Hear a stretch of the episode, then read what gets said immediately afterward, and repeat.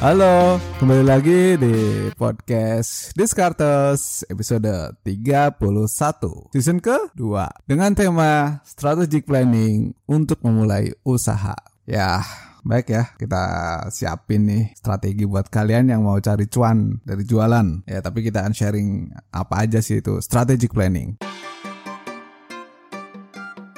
Buat teman-teman yang baru join ke podcast Discartes, ini adalah podcast tentang keuangan, investasi, ekonomi, dan bisnis. Dan di season kedua, gue akan challenge, gue akan kulik ide-ide yang dari buku, dari orang-orang maupun dari berita yang ada di sekitar kita. Tentu ditambahkan dengan ide dari gue sendiri.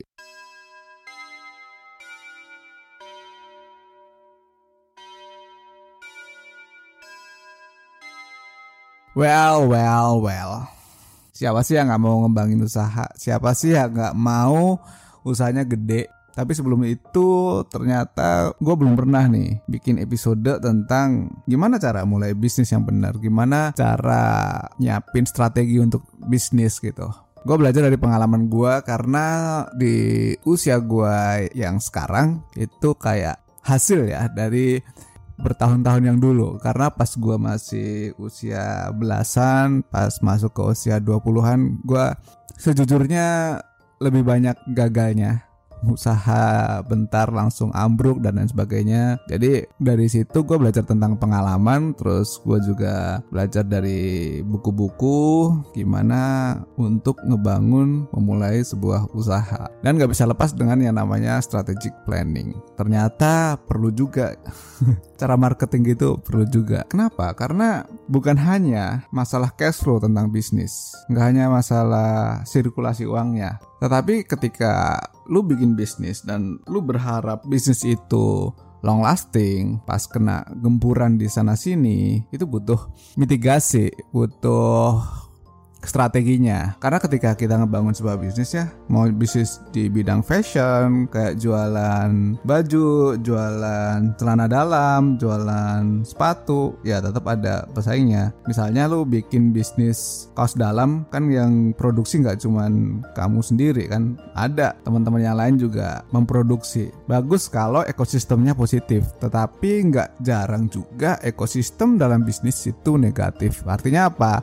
Sikut sana sini nggak hanya di kantor tapi ketika kita membangun bisnis ada juga ya memang kita berharap ekosistemnya bakal positif gitu well gue akan selalu menyarankan ke teman-teman semua yang memulai bisnis awalilah dengan niat yang positif. Artinya kalau misalnya lu dipermasalahin sama orang atau disenggol sama orang ya kamu nggak usah lah balesin atau nggak usah lah terlalu emosi gitu. Karena sebenarnya kita bisa memprediksi kok pasti ada dan kalau nggak siap dengan hal-hal kayak gitu ya memang nggak usah masuk ke dunia bisnis karena kalau dibilang politik kantor itu jahat dalam bisnis itu bisa lebih jahat. Kalau buat gue sih bukan lebih jahat ya karena gue memandang hal itu sebagai sebuah kewajaran asal nggak melanggar hukum ya konteksnya ya asal nggak melanggar hukum. Namanya usaha kan, namanya dagang kan. Tapi yang gue pegang adalah gue berusaha untuk ya nggak usah lah mulai bikin masalah sama orang dan teman-teman juga gue harap kayak gitu. Makanya yang harus dimulai sekarang adalah nyiapin nih strateginya. Karena gini ya,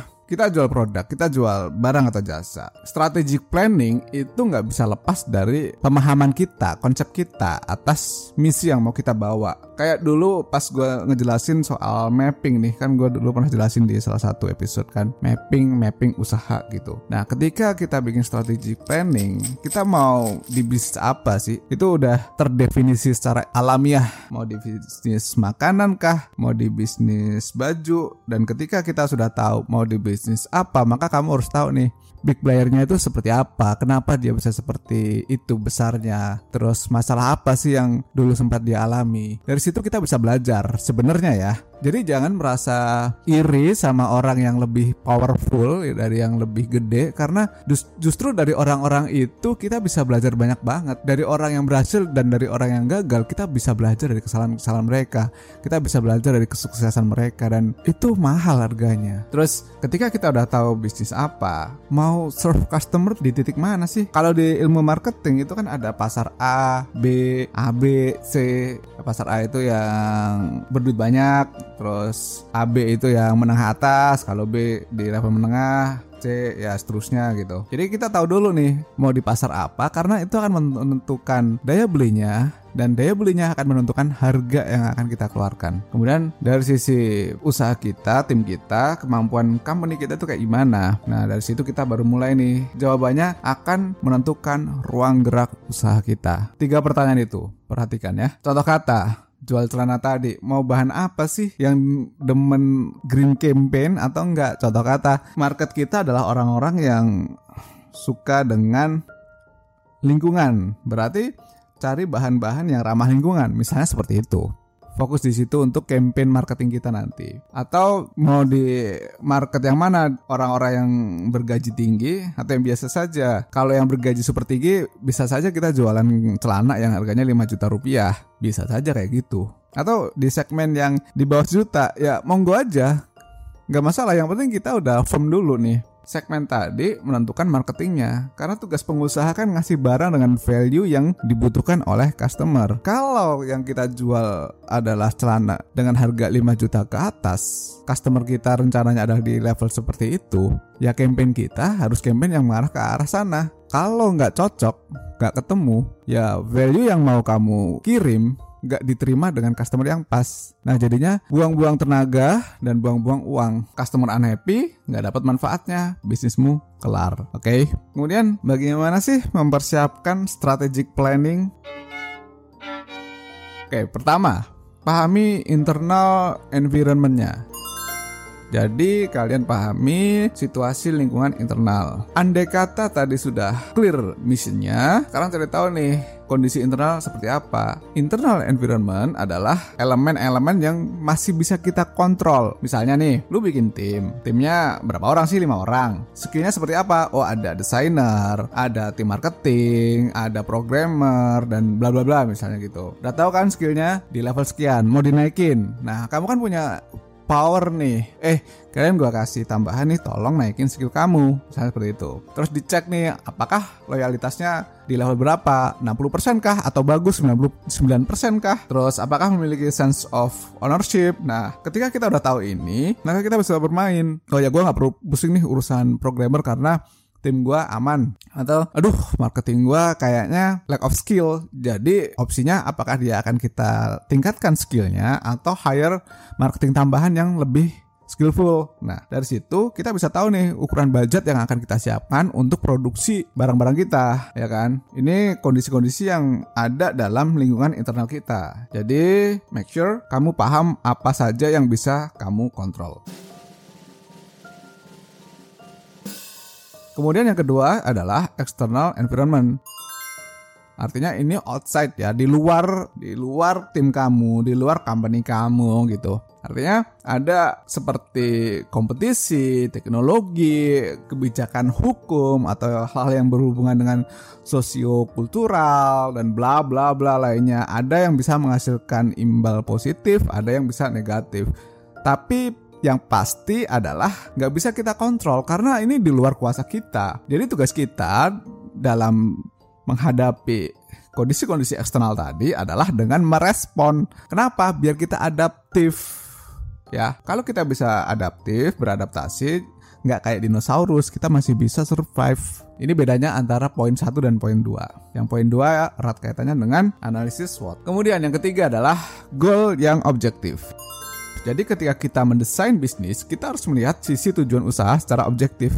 Nggak ngawang-ngawang di langit gitu. Misalnya kamu jualan tempe, mau dikenal sebagai apa nih? Apakah penjual tempe terbanyak di kampung sini? Atau penjual tempe paling enak meskipun jualannya nggak banyak tapi terasa paling enak atau penjual tempe warna-warni mau terkenal di apa nih? Ini erat juga sama yang gue bilang dulu soal brand gitu kan. Erat banget karena goal yang objektif akan membantu kita dalam memperkuat branding kita. Oke. Okay. Terus yang keempat adalah bisnis portfolio. Ini kayak hmm, investasi ya, yang ada portfolionya juga. Bisnis juga ada. Bisnis portfolio ini membuat kita tidak mengalami ketergantungan. Contoh kata, gue banyak contoh ya. jual baju cewek. Bisa nggak sih sekalian pernah pernik yang relate ke fashion cewek gitu? Kalau biasanya jual kaos buat cewek coba jual bikini kek atau jual kaos kaki kayak artinya tetap linear sama bisnis fashion tapi bisa jual ke berbagai macam hal gitu. Partnya bisa bermacam-macam. Ini akan nggak terlalu berusaha ya Artinya, oh ya lu udah dikenal sebagai pemain di bisnis fashion, tinggal diversifikasi model usaha aja gitu.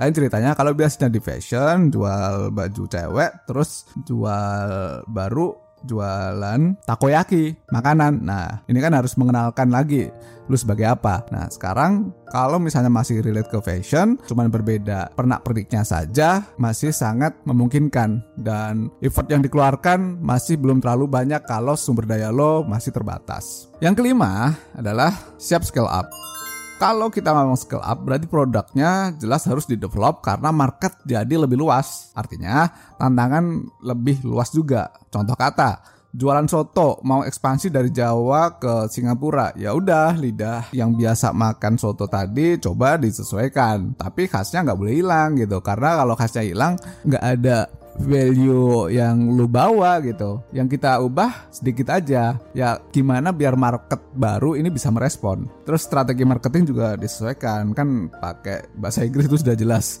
Atau biasanya pakai mulut ke mulut. Sekarang jualan soto pakai IG Ads, Instagram Ads plus kartun masuk ke Instagramnya atau bikin movie atau bisa jadi yang lebih uh, aneh masuk ke majalah fashion itu kan keren tapi unik. Oh ada soto di majalah fashion yang bawa supermodel. Keren gak sih? Ya keren.